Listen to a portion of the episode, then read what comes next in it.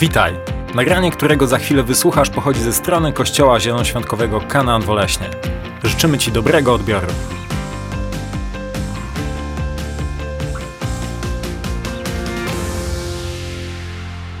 Dobrze. Chciałem zacząć taką nową serię kazań. E, minęły dwa miesiące. Bóg bardzo dużo do mnie mówił.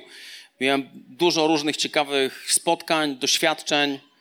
Dużo rzeczy Bóg do mnie bardzo mocno mówił i mocno mnie przemieniał. Mam wrażenie, że przez te dwa miesiące przemienił we mnie więcej niż a, przez kilka lat naraz. Przez to, że miałem jakby przywilej bycia w różnych miejscach i kiedy byłem w tych różnych miejscach, Bóg jakby mówił do mnie przez te miejsca, mówił do mnie przez, przez to, co tam się działo, przez to, co On robił. Także wierzę, że fantastyczne rzeczy są przed nami, że fantastyczne rzeczy ma dla nas Bóg. A więc chciałem mówić na temat brakującego elementu w chrześcijaństwie. I dzisiaj chciałem mówić, nie żeby pouczać, nie żeby się wywyższać, nie żeby uzna- robić z siebie eksperta, ale chciałem mówić o brakującym elemencie w wychowaniu naszych dzieci. Okay? Jestem ojcem trójki dzieci. Wiem, że z Tymkiem wyglądamy jak bracia, ale jestem, jestem jego ojcem. Brałem w jego powstaniu aktywny udział. Madzia jest naszą córką i Filip, który gdzieś tam też jest do góry, jest naszym synem. Także mam doświadczenie trójki dzieci. Przeżyliśmy z tymi, z tymi dziećmi wszystko. I to, co będę wam mówił, to jest bardzo ważne, to nie jest po to, aby cię potępić. Nie jest po to, aby cię potępić, abyś był zmiażdżony, abyś powiedział, nie nadaje się do niczego. W ogóle mi o to nie chodzi. Chodzi mi o to, co jest możliwe dla każdego z nas, aby złapał brakujący element w wychowaniu dzieci, szczególnie jeśli jesteś chrześcijaninem. I to, co usłyszysz, a momentami będzie bardzo mocne, nie dlatego, że ja jestem jakimś a, brutalnym kaznodzieją, chociaż bywam, ale dlatego, żeby, żeby niech Słowo Boże przemawia do ciebie, bo Twoje życie to jest coś więcej niż ci się wydaje. Twoje słowo to jest coś więcej niż ci się wydaje. W 1874 roku socjolog Richard Dugdale zwiedził 13 więzień w stanie Nowy Jork. Odkrył sześć osób pod czterema różnymi nazwiskami, które były ze sobą spokrewnione. To go bardzo zaciekawiło i zaczął szukać i grzebać w tej rodzinie. Doprowadziło go to do pewnego Holendra, który się osiedlił w Stanach Zjednoczonych. Nazywał się Max Jukes, który urodził się pomiędzy 1720 rokiem a 1740 rokiem. Po latach dokładnych badań, jak to socjolog, Dugdale zidentyfikował 500, 540 potomków Jukesa. Pośród tych 540 potomków Jukesa byli następujący ludzie. 76 skazanych przestępców. 18 właścicieli domów publicznych. 120 prostytutek i 200, 200 osób brało przez prawie całe swoje życie zasiłek, bo nie potrafiło sobie poradzić w życiu. Podsumowując, tą rodzinę panował tam grzech z pokolenia na pokolenie, który doprowadził do mnogości dysfunkcyjnych zachowań, który kosztował rząd amerykański dziesiątki milionów dolarów, aby ogarnąć tą rodzinę. Ok? Dla kontrastu. Człowiek, który nazywał się Jonathan Edwards.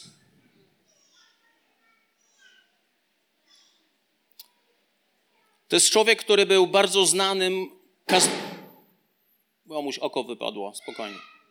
Bardzo znanym kaznodzieją w Stanach Zjednoczonych. Ten człowiek napisał wiele książek i zainspirował wielu, aby zabrać Ewangelię do wielu narodów. Jego żona nazywała się Sara i pobrali się w roku 1727. Oboje mieli olbrzymią bojaźń i szacunek do Boga. Czytali Biblię każdego dnia i modlili się każdej nocy. Mieli jedenaścioro dzieci. A, jo, a Jonathan modlił się o błogosławieństwo nad każdym z nich każdego dnia. Zawsze wyznawał w swoim życiu. Każdy kościół to jest, każdy, każdy dom to jest mały kościół.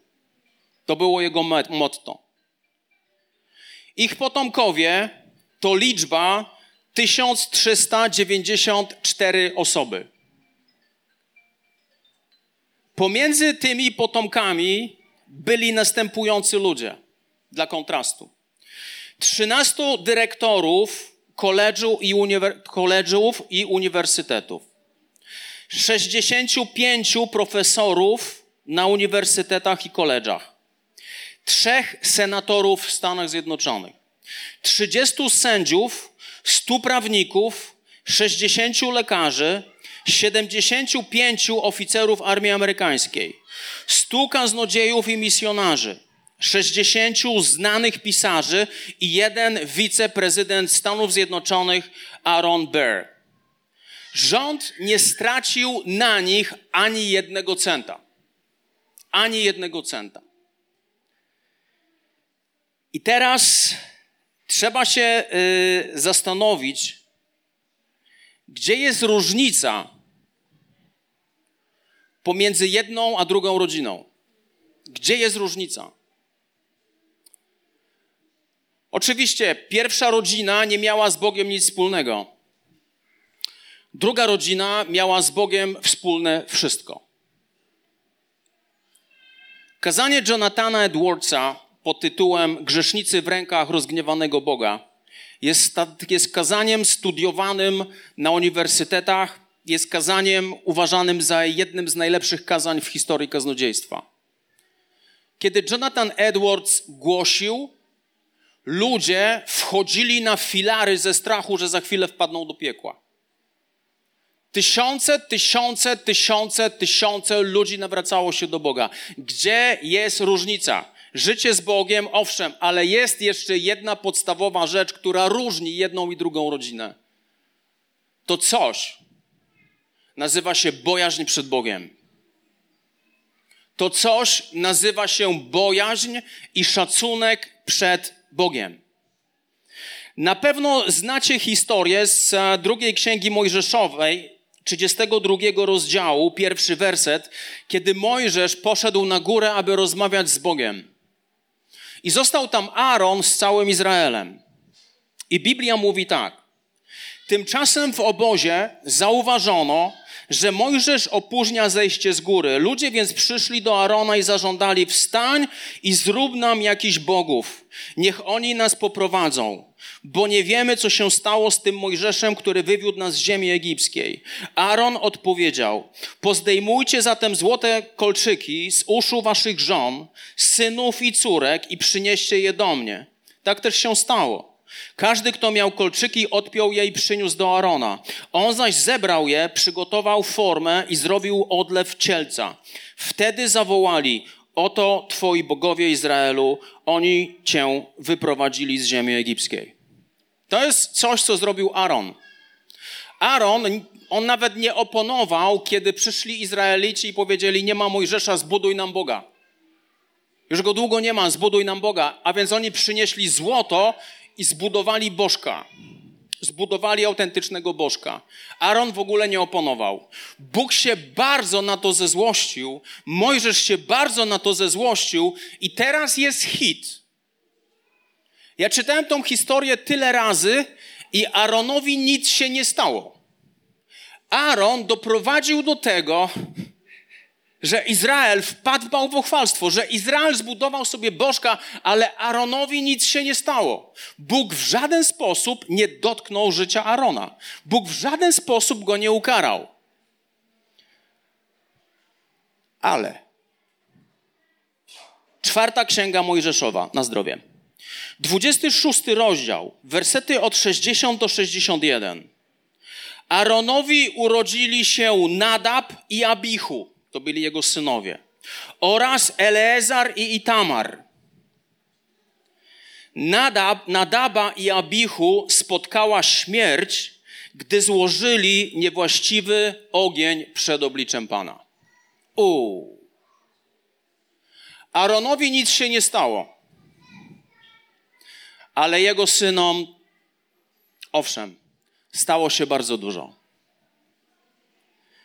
Synowie Arona przynieśli po prostu, traktując Pana Boga w bardzo zwyczajny, kolokwialny sposób, przyszli jak zawsze, aby złożyć mu ofiarę, bo byli z pokolenia kapłanów, byli z pokolenia Arona. Złożyli, złożyli ofiarę, ale Bóg mówi, to jest inny ogień. I jeden i drugi padł trupem. Do czego ja zmierzam? Bóg jest Bogiem Abrahama. Bóg jest Bogiem jego syna Izaaka i Bóg jest synem Jakuba. Bóg, Bogiem Jakuba. Bóg jest Bogiem całych pokoleń. To nie jest tak, kochani, to nie jest tak, że my myślimy bardzo często jako rodzice, że my jesteśmy odpowiedzialni za siebie i tylko życie dookoła, dookoła do, życie mojej rodziny mnie interesuje. Tutaj chodzi o całe pokolenia. Tutaj chodzi o całe pokolenia. Ja jestem człowiekiem z moją żoną, gdzie przerwaliśmy przekleństwo nad naszymi rodzinami. przerwanie tych przekleństw polega na tym, że wyrwaliśmy się z tego ciągu grzechów w mojej rodzinie i w rodzinie mojej żony. Genetycznie byliśmy skazani na rozwód, genetycznie byliśmy skazani na alkoholizm, genetycznie byliśmy skazani na coś, co nas totalnie rozkłada, ale poznaliśmy Jezusa Chrystusa, który przyszedł do naszego życia i zmienił absolutnie wszystko. Jeśli jesteś rodzicem i patrzysz na swoje dzieci, to chcę, żebyś zrozumiał. Możesz zapisać je na wędkarstwo, możesz zapisać je na, nie wiem, na wspinaczkę, możesz je zapisać na cokolwiek chcesz, ale jeśli w Twoim życiu jako rodzica nie będzie bojaźni przed Bogiem, to to wszystko to jest po prostu marność. To to wszystko to jest marność.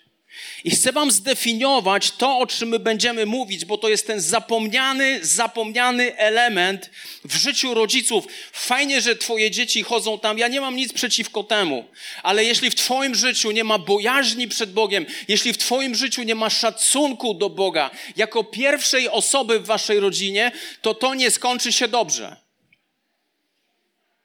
Twoje życie determinuje życie Twoich dzieci. Twoje życie determinuje życie Twoich wnuków. Twoje życie determinuje życie Twoich prawnuków.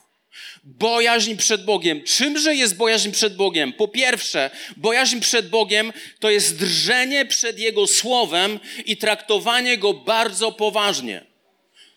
To nie jest tak, że Ty sobie Biblię czytasz. To nie jest tak, że Ty się obudzisz rano, przeczytałeś Biblię, odhaczyłeś, dobrze jest.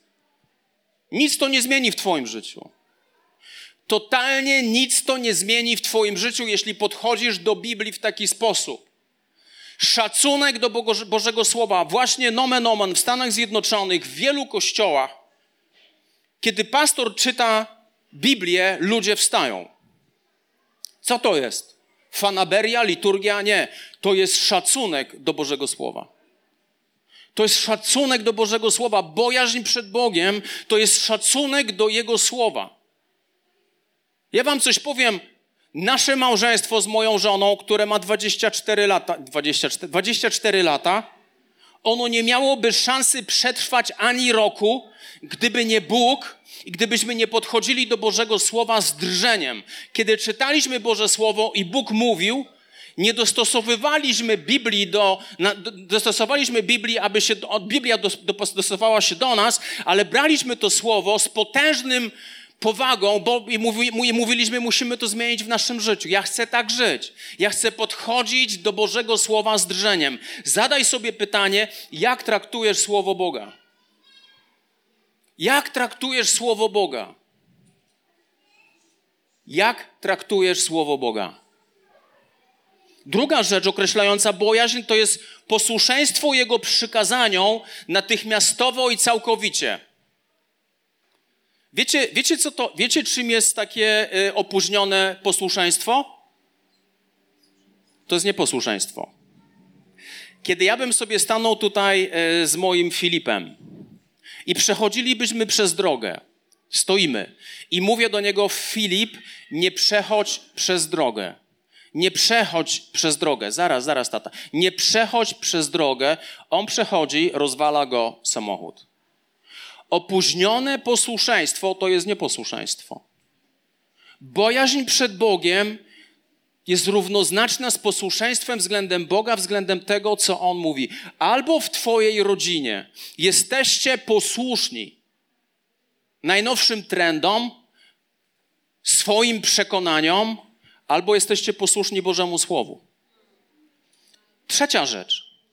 Bojaźń przed Bogiem to jest posłuszeństwo, jeśli nawet to, co robię, nie ma sensu i jest bolesne.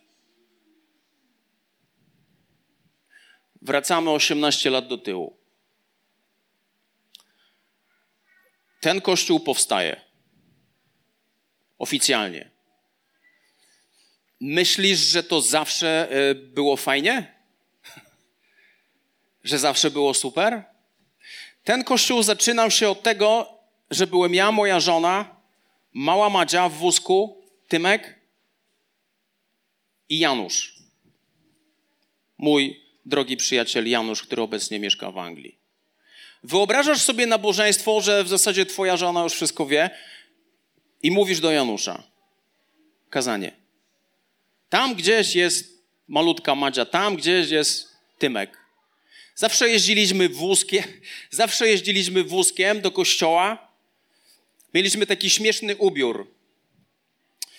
Mieliśmy bojówki, które nazywały się M65, czyli w nich chodzili żołnierze amerykańscy. Moja żona też miała bojówki i Janusz, ten, ten człowiek w kościele, też miał bojówki. I mieliśmy, nie wiem jak to się stało, ale mieliśmy pomarańczowe polary firmy Alpinus. Dlatego, że były firmy Alpinus, to w nich chodziliśmy, mówię, Krysia, to jest markowe. Wyobraź sobie. A więc idziemy na nabożeństwo. Gitara na plecach, wiadro z mopem, idziemy na nabożeństwo. Ekstra. Ekstra. Ten kościół urodził się w potężnych bólach. Cena, która została zapłacona za ten kościół, to jest przede wszystkim Jezus Chrystus, który umarł za nas, ale też kosztowało nas to mnóstwo, jeśli chodzi o naszą rodzinę. Mnóstwo. Ale postanowiliśmy być Panu Bogu posłuszni, bez względu na to, jak bolesne to było i jak dużo trzeba było za to zapłacić. Bo rozumieliśmy, że bojaźń przed Bogiem to jest nic innego jak posłuszeństwo pomimo bólu, jak posłuszeństwo pomimo tego, jak wiele to kosztuje. Czy ufasz Panu Bogu bardziej, aby, aby, aby być posłusznym, bardziej niż swojemu rozumowi, czy funkcjonujesz jak Ty uważasz? Kolejny element bojaźni przed Bogiem to jest to, że Bóg jest priorytetem w naszym życiu. Bóg jest numerem jeden, z nim nikt nie dyskutuje. Moja żona jest fantastyczna, kocham ją, ale ona jest numerem dwa. Bardziej niż ją kocham Pana Jezusa. To w końcu Pan Jezus umarł za mnie, zbawił mnie i jest ze mną każdego dnia. Moja żona nie umarła za mnie. Moja żona wyszła za mnie. Bóg jest numerem jeden. Kto jest numerem jeden w Twojej rodzinie? Kto jest numerem jeden w Twojej rodzinie? I ostatni element, jeśli chodzi o bojaźń przed Bogiem, to jest praktyczna, a nie romantyczna miłość do Boga.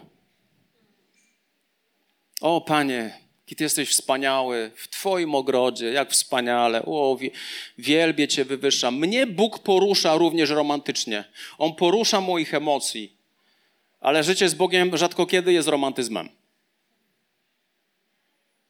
Musimy mieć emocje, które są otwarte na życie z Bogiem, ale coś ci powiem: posłuszeństwo Bogu to jest bojaźń przed Bogiem.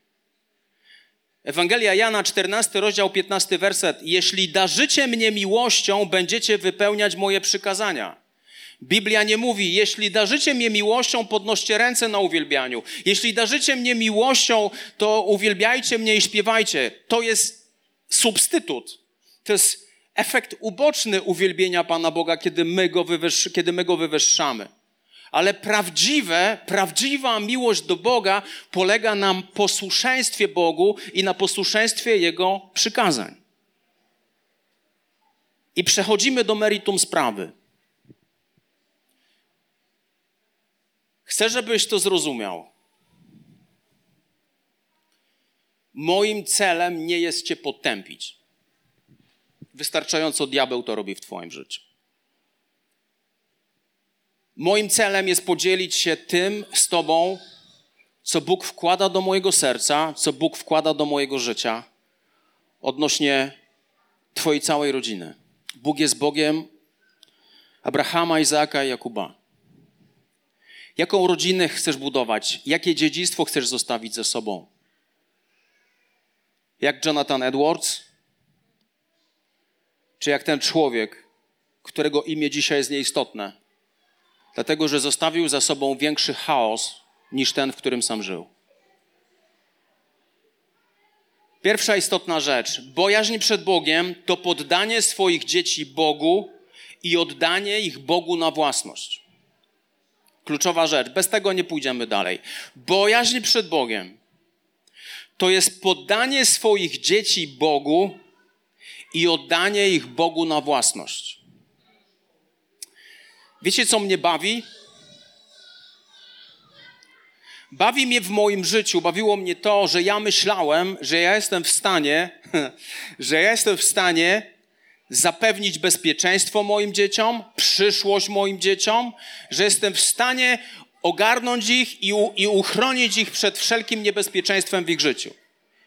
Nic bardziej mylnego.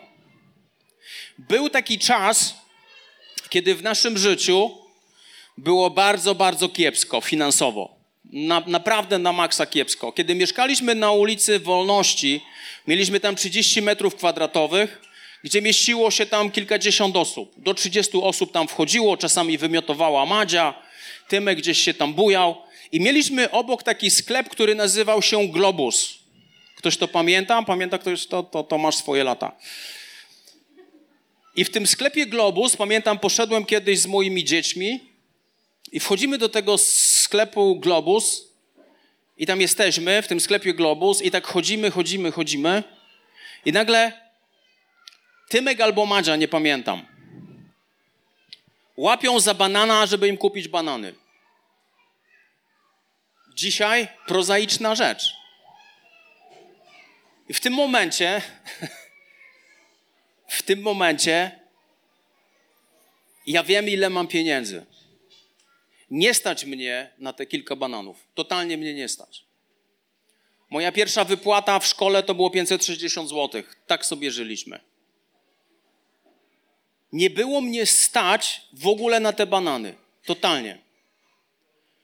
I Tymek tam cisnął, cisnął, wie, że, że nie. Oni nie mieli w sobie, e, w naturze, aby cisnąć, że ja chcę, ja chcę, ja chcę. Nie mieli tego w naturze. A więc wyszliśmy z tego globusa. Ja wróciłem do domu, poszedłem do łazienki, znaczy no metr na dwa. Wszedłem do tej łazienki i płakałem przed Bogiem.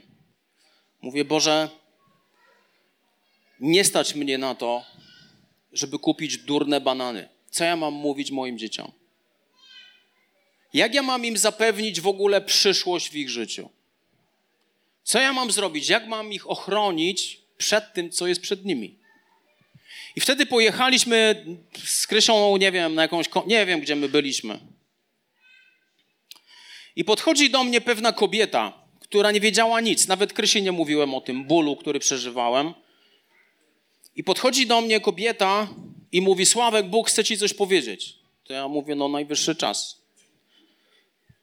Bóg chce ci powiedzieć, abyś nie martwił się o swoje dzieci, bo ja zatroszczę się o nie.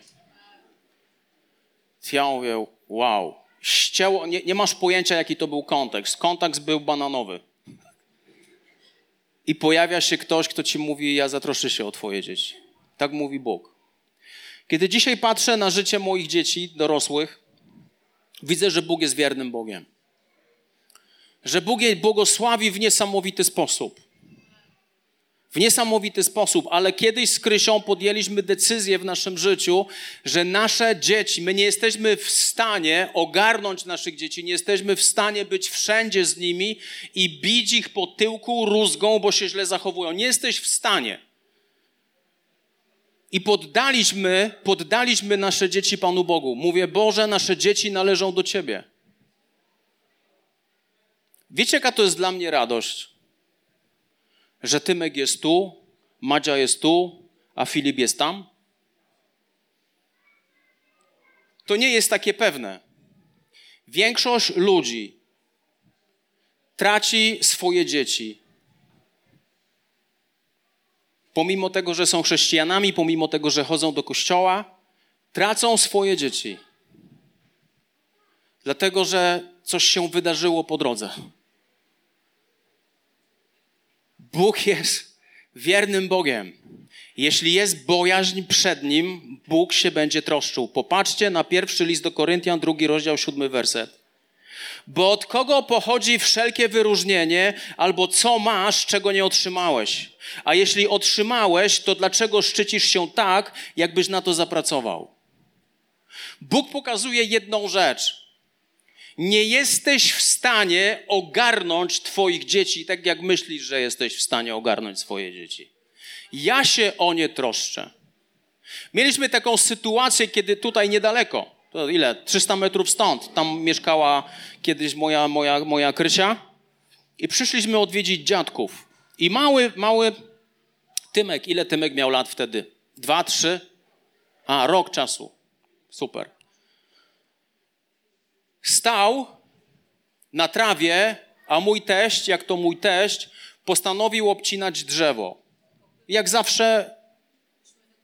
Aha, wykopywaliśmy drzewo, tak? Je popchnę. Aha, okej. Okay. No, no tak, no ale jakby mój teść wszystko ma zawsze pod kontrolą. Swoją kontrolą. I nagle to drzewo spada prosto na Tymka. To drzewo upada a tymek jest pomiędzy jedną gałęzią potężną, a drugą. To nie były malutkie gałązki. To były gałęzie, jeśli by to spadło na niego, to by go zabiło. To było pierwszy raz, kiedy ja zobaczyłem, że ja nad moim rocznym dzieckiem nie mam w ogóle kontroli, nie mam żadnego wpływu. Panie Boże, on jest Twój. Czy, odda, czy poddałeś swoje dzieci Bogu? Czy one są ciągle Twoją własnością? Co będzie, jeśli pewnego dnia dziecko przyjdzie, mówi: Mamo, tato, chcę jechać na misję do Afryki? Wtedy przyjdzie pytanie: czyje jest to dziecko? Czy jest to dziecko? Co będzie, jak dziecko, wiecie, a propos Amerykanów, to co zmienia ich, to to, że większość tych małych 12, 13, 15, 16 lat jedziesz na misję do Afryki, do Indii, jedziesz zobaczyć, jak wygląda prawdziwy świat. W Polsce zapomnij. Z czego to wynika? My nie rozumiemy, że nasze dzieci są własnością Boga, a bojaźń przed Bogiem to jest poddanie swoich dzieci Panu Bogu. Druga rzecz. Bojaźń przed Bogiem to jest nasz, nasze pełne oddanie Bogu i pełna pasja dla Boga. I ta pełna pasja dla Boga i pełne oddanie ze strony rodziców ma swój rezultat w dzieciach.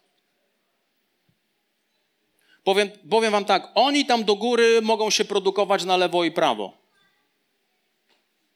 Na serio. Oni mogą się tam produkować na lewo i prawo. Ale jeśli to dziecko dzisiaj, twoje dziecko wróci do domu, a tam widzi zupełnie inny świat, tam to nie jest świat, gdzie uwielbia się Boga, to nie jest świat, gdzie modli się do Boga. To nie jest świat, kiedy mama, tata zachęcają swoje dzieci do życia z Bogiem. To nie jest ten świat. To nie jest świat, w którym Bóg jest numerem jeden. To oni mogą sobie tam robić cokolwiek chcą, oni mogą przeżywać fantastyczne rzeczy i tak to nic nie zmieni. Bo większość Twojego życia, większość Twojego życia jest przeżywana w domu. Trzecia rzecz, bojaźń przed Bogiem, jeśli chodzi o nasze dzieci, nasze rodziny, skutkuje w życiu naszych dzieci. To jest błogosławieństwo i znaczenie. Psalm 112, wersety od 1 do 3. To jest mocny psalm. O jak szczęśliwy jest człowiek, w którym jest bojaźń Pana, a jego przykazania są dla niego rozkoszą. Czym są dla niego przykazania? Rozkoszą. Dlaczego? Bo jest przed nim szacunek do Pana Boga. Jego potomstwo wzrośnie w siłę na ziemi. Pokolenie prawych będzie się cieszyć szczęściem, a w jego domu będzie dostatek i bogactwo, a jego sprawiedliwość będzie trwać na wieki. Wow. To są potężne Boże obietnice. Potężne obietnice dla tych, którzy boją się Pana.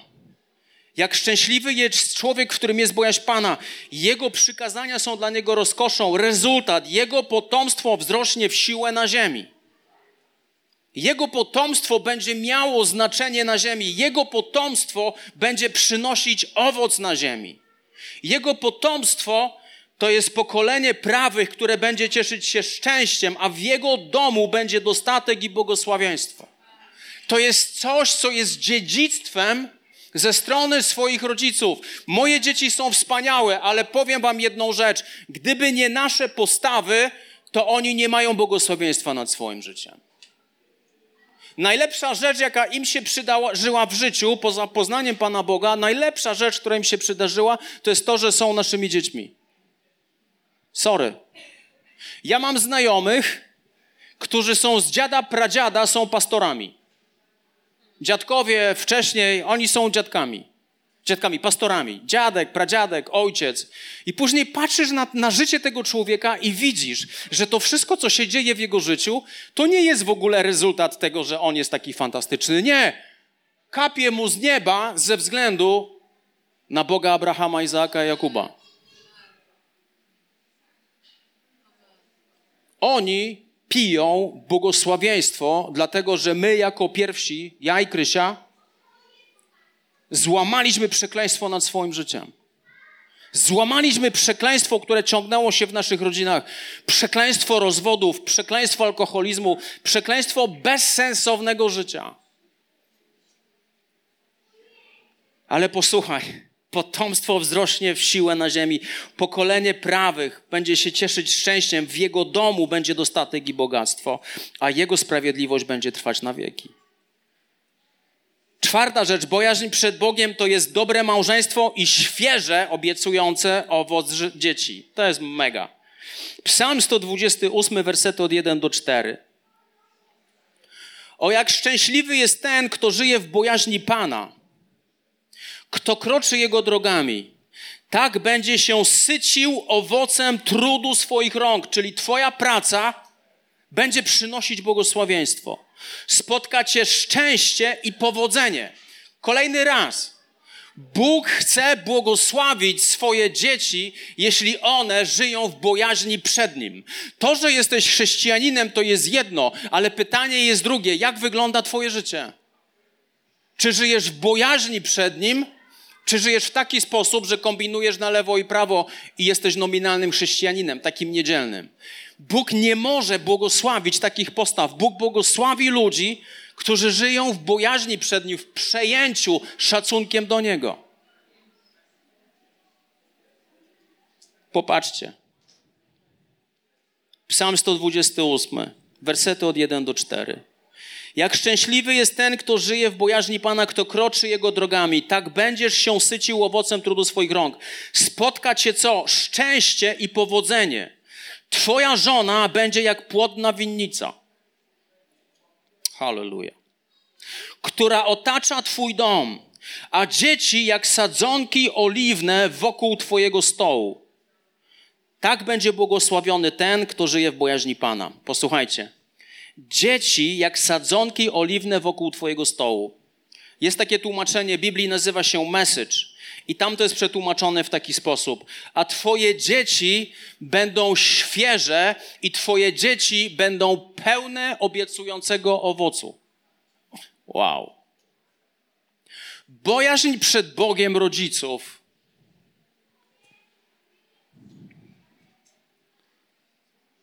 powoduje, że dzieci będą świeże. Kiedy człowiek jest świeży? Kiedy żyje z Bogiem. I będą to dzieci, które będą, peł, będą obiecujące przynosić owoc w przyszłości. Będzie widoczne nad nimi powołanie, przeznaczenie. Drogi rodzicu, Twoje dzieci, tak jak, jak i Ty, one się rodzą i umierają. Najważniejsze dla tych dzieci jest to, aby Twoje dziecko znalazło powód swojego istnienia. Co jako rodzic mu zostawisz? Dla mnie najważniejsze jest to, nie to, żeby Madzia i Tymek mieli, żeby Madzia miała męża, już ma męża, super męża ma. Nie, Tymek będzie miał fantastyczną żonę. Pytanie gdzie? Filip będzie miał fantastyczną żonę. Ja w to wierzę, bo jest błogosławieństwo nad nimi. Bo jest totalne błogosławieństwo nad nimi.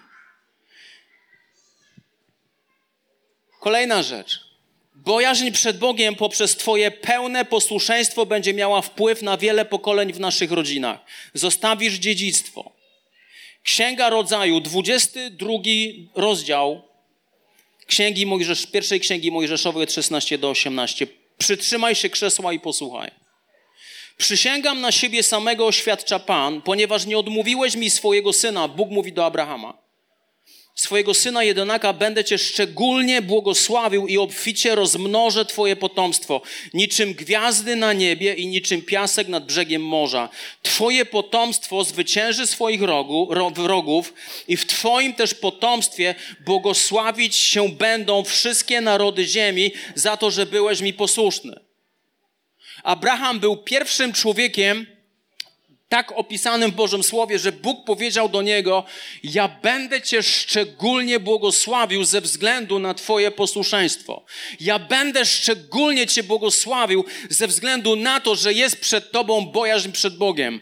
Abraham wolał wybrać bolesne posłuszeństwo, wolał wykazać bojaźń przed Bogiem, szacunek do Boga bardziej niż to, co wydawało mu się rozsądne. I Bóg obiecał, z Twojego narodu powstanie, od Ciebie powstanie naród, a z tego narodu powstanie wielu, wielu niesamowitych ludzi. Bo właśnie z linii Abrahama pochodzi Józef w Biblii, właśnie z rodu Abrahama pochodzi Samuel, pochodzi Dawid, pochodzi Daniel, pochodzi Izajasz i to co najlepsze, z rodu Abrahama pochodzi Jezus Chrystus. Dlaczego Bóg błogosławił Abrahama? Ponieważ byłeś mi posłuszny. Ponieważ wybrałeś bojaźń przede mną i szacunek do mnie bardziej niż cokolwiek innego. Ja coś ci powiem.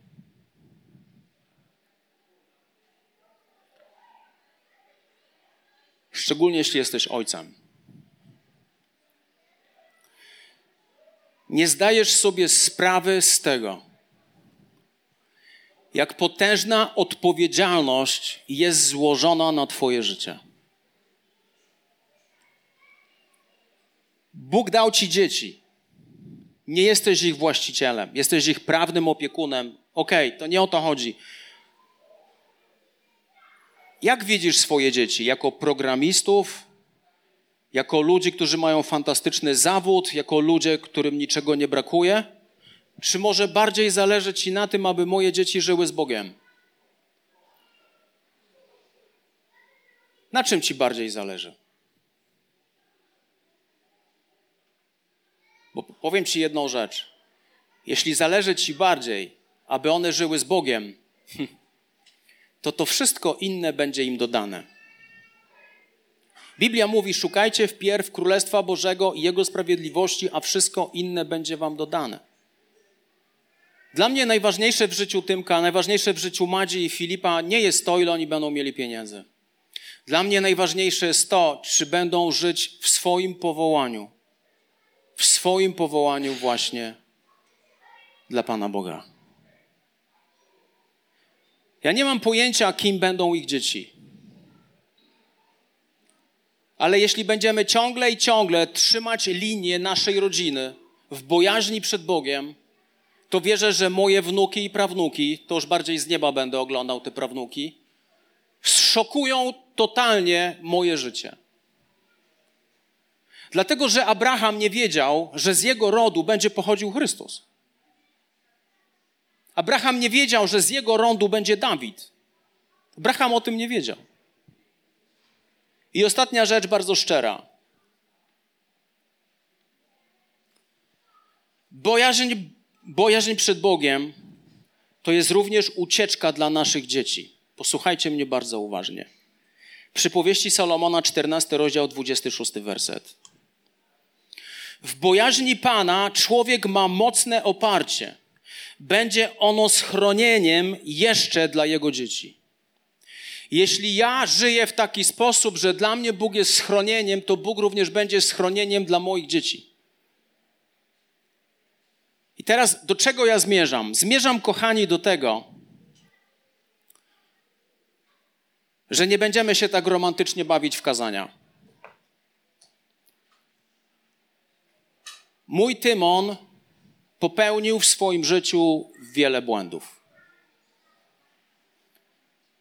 Kilka katastrofalnych, kilka strasznych. Popełnił kilka grzechów, które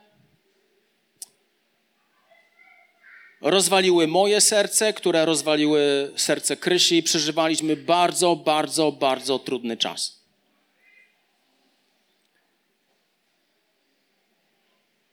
Kiedy obudził się z tego wszystkiego, kiedy przyszedł do Pana Boga, kiedy pokutował przed Bogiem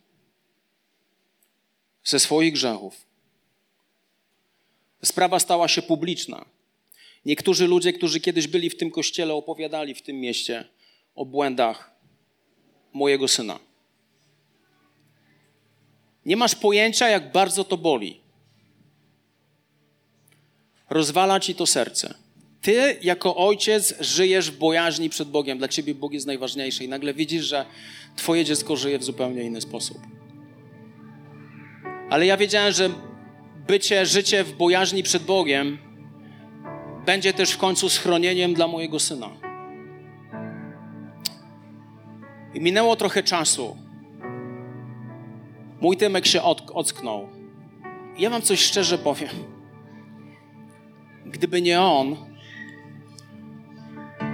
to ta budowa nie ma szans bytu. Ta budowa nie ma szans bytu.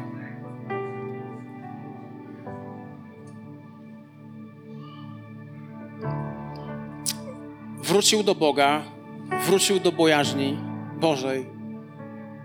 Kiedy wróciliśmy w piątek, bo nas długo nie było, Tymek dzielił się jakby tym, co przeżył z Bogiem przez ten cały czas z Bildersami. Ja nie będę o tym mówił, co przeżył z Bogiem, ale ja nie byłem w stanie tego słuchać, dlatego wyszedłem do ubikacji. Okłamałem, mówię, muszę iść do ubikacji, wcale nie musiałem. Nie mogłem wytrzymać. Po prostu rozwalało mi serce, ale w taki pozytywny sposób. Wyszedłem do ubikacji, oddawałem Bogu chwałę. Dlatego, że nasze życie w bojaźni przed Bogiem jest również schronieniem dla naszych dzieci.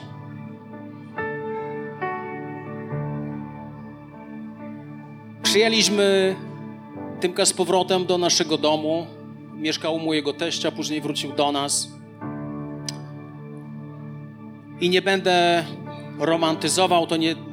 My mamy, ja, Tymon, Krysia mamy trudne charaktery. Mamy silną osobowość. Czasami mamy napięcia, ale mój syn wrócił z powrotem całym sobą do tego, aby służyć Bogu i żyć w bojaźni przed Nim. I odkryłem jedną rzecz. Rodzice, którzy żyją w bojaźni przed Bogiem, ja ci nie gwarantuję, że wszystko będzie z Twoimi dziećmi zawsze super. Ja ci w ogóle tego nie gwarantuję. Ale obiecuję ci jedną rzecz. że nawet jeśli odejdą, to odejdą jakby na gumie. Odejdą, ale później wrócą z powrotem. Kiedy my jako rodzice nie żyjemy z Bogiem, to jeśli odejdą, to nie mają dokąd wrócić. Do czego wrócą? Do rodziców żyjących tak sobie z Bogiem? Do, do rodziców żyjących trochę bojaźń przed Bogiem, trochę nie? To, co się przewijało przez cały czas uwielbienia, to, co było mówione, Bogu chodzi o relacje. I najważniejsze, kochani, w wychowaniu dzieci jest to, żeby mieć bojaźń przed Bogiem, i najważniejsze jest to, że bez względu na wszystko, co będzie się działo z Twoimi dziećmi, nigdy, przenigdy nie zrywaj z nimi relacji. Nigdy. Bo jeśli żyjesz w bojaźni przed Bogiem, to jest Twoja odpowiedzialność. One się odbiją i wrócą do Ciebie. Jeśli nie żyjesz jako rodzic bojaźni przed Bogiem, możesz ich stracić na zawsze. Możesz ich stracić na zawsze. Kochani, chciałbym, abyśmy się pomodlili do Boga. Chciałem, żebyśmy zrobili coś, być może czego jeszcze nigdy nie robiliśmy. Ale chciałbym, żebyśmy. Niech nasze dzieci tam już zostaną, nie ściągajmy ich na dół. Ale wy, jako małżeństwo, chwyćcie się za ręce i pomódlcie się razem do Pana Boga. Boże, daj nam żyć w bojaźni przed Tobą. Tu nie chodzi o to, żeby Twoja żona żyła z Bogiem, nie chodzi o to, żeby Twój mąż żył z Bogiem, chodzi o to, żebyście razem żyli z Bogiem. Chciałbym, abyś, abyśmy się pomodlili, abyś to wszystko sobie przemyślał. Abyś to wszystko sobie przemyślał. Ja jestem wdzięczny Bogu, że robiąc tyle głupot w moim życiu, podjąłem kilka dobrych decyzji w moim życiu. Pierwszą było poddanie życia Jezusowi, drugą było to, że z Krysią jesteśmy razem i przechodząc przez burzę ciągle jesteśmy razem. Ale też jestem Bogu wdzięczny za to, że podjęliśmy decyzję, że zawsze Bóg będzie na pierwszym miejscu w naszej rodzinie. Zawsze bojaźń przed Bogiem będzie najważniejsza, a nie nasze wygody. Bo to wszystko będzie Ci dodane, jeśli żyjesz w bojaźni przed Bogiem. Chciałbym, abyś chwycił swoją żonę za rękę. Panie Jezu, ja chcę się modlić Duchu Święty teraz o każdą osobę, która tutaj jest. O każde małżeństwo, które tutaj jest, Duchu Święty. Chcę się modlić, aby Twoja ręka, Twoja łaska, Panie, była nad każdym z nas. Ja modlę się też, Panie Jezu, o tych z nas, którzy nie mają jeszcze mężów, żony, a bardzo tego pragną. Modlę się, aby Twoje błogosławieństwo stąpiło do ich życia w ponadnaturalny sposób. Panie, ja modlę się, aby nasze małżeństwa zaczęły żyć z Tobą w stu procentach, aby nasze małżeństwa zaczęły żyć w taki sposób, że Ty jesteś najważniejszy. Zaczęły żyć w taki sposób, Panie, w totalnej bojaźni przed Tobą. Potężny Panie, uwielbiamy Cię, potężny Królu, wywyższamy Cię i uznajemy, że Ty jesteś naszym Bogiem. Uznajemy, że będziemy żyć w bojaźni przed Tobą, że Ty będziesz numerem jeden ze względu na nasze dzieci, ponieważ Ty jesteś Bogiem Abrahama, Izaaka i Jakuba. Niech Twoja ręka, Twoje błogosławieństwo jest nad nami, Duchu Święty. Jesteś cudownym Bogiem. Jesteś potężnym Bogiem, jesteś potężnym Królem. Oddajemy Tobie chwałę, oddajemy Tobie cześć, wielki, potężny Panie. Niech będzie uwielbione Jezu Twoje imię. Niech będzie wywyższone Twoje imię dzisiaj. Dzięki Ci za wszystko Jezu. Dzięki Ci za wszystko Jezu. Jesteś naszym Bogiem. Halleluja. Być może jesteś w tym miejscu. I możesz powiedzieć fajnie, fajnie, Sławek, czy jakkolwiek się tam nazywasz, ale nie masz pojęcia, co się dzieje w moim życiu. Zgadzam się, ja nie mam pojęcia, co się dzieje w Twoim życiu. Ale mój Bóg ma potężne pojęcie, co się dzieje w Twoim życiu. Mój Bóg jest zainteresowany tym, co dzieje się w Twoim życiu. I nic się nie zmieni w Twoim życiu, totalnie nic. Jeśli pozostaniesz po prostu religijnym człowiekiem, który uznaje, że Bóg istnieje. Ale zmieni się mnóstwo, jeśli podejmiesz decyzję taką, jaką my kiedyś podjęliśmy z moją żoną. Powiedzieliśmy, Panie Jezu, przyjdź do naszego życia. Bądź Panem w naszym życiu, bądź królem w naszym życiu i prowadź nas. I chciałbym teraz dać Ci szansę, abyś mógł przyjść do Boga, abyś mógł powrócić do Pana Boga. Pomóc się ze mną w taki prosty, zwyczajny sposób. Jeśli chcesz powrócić do Boga, jeśli chcesz przyjść do Niego, powtórz za mną taką prostą modlitwę. Nie musisz być dokładny w słowach, ale tutaj chodzi o Twoje serce. I powiem Ci jeszcze jedną rzecz. To, że dzisiaj tutaj jesteś, w tym nie ma ani krzty przypadku. Tu nie ma żadnego przypadku. Bóg chciał spotkać się z Tobą.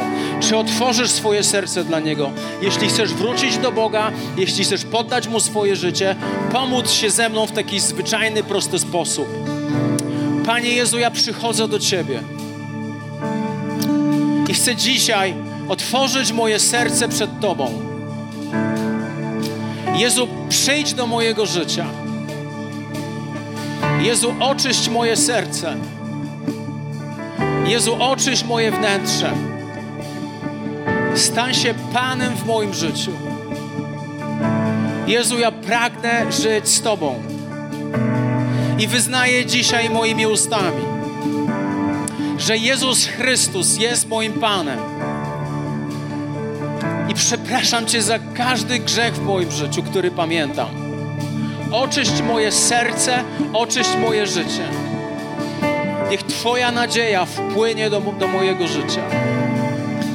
Niech Twoja miłość dotknie mojego serca. W imieniu Jezusa Chrystusa. Amen. Witaj ponownie. Dziękujemy za wysłuchanie tego nagrania i mamy nadzieję, że pomoże Ci ono zbliżyć się do Boga. Jeśli dziś podejmujesz decyzję o zaufaniu Jezusowi i uznaniu Go Twoim Zbawicielem, to chcemy Ci pogratulować. Modlimy się o Boże działanie w Twoim życiu i zapraszamy Cię serdecznie do Kanaanu, ponieważ wierzymy, że Kościół, czyli wspólnota wierzących ludzi, to najlepsze miejsce do wzrostu i rozwoju duchowego.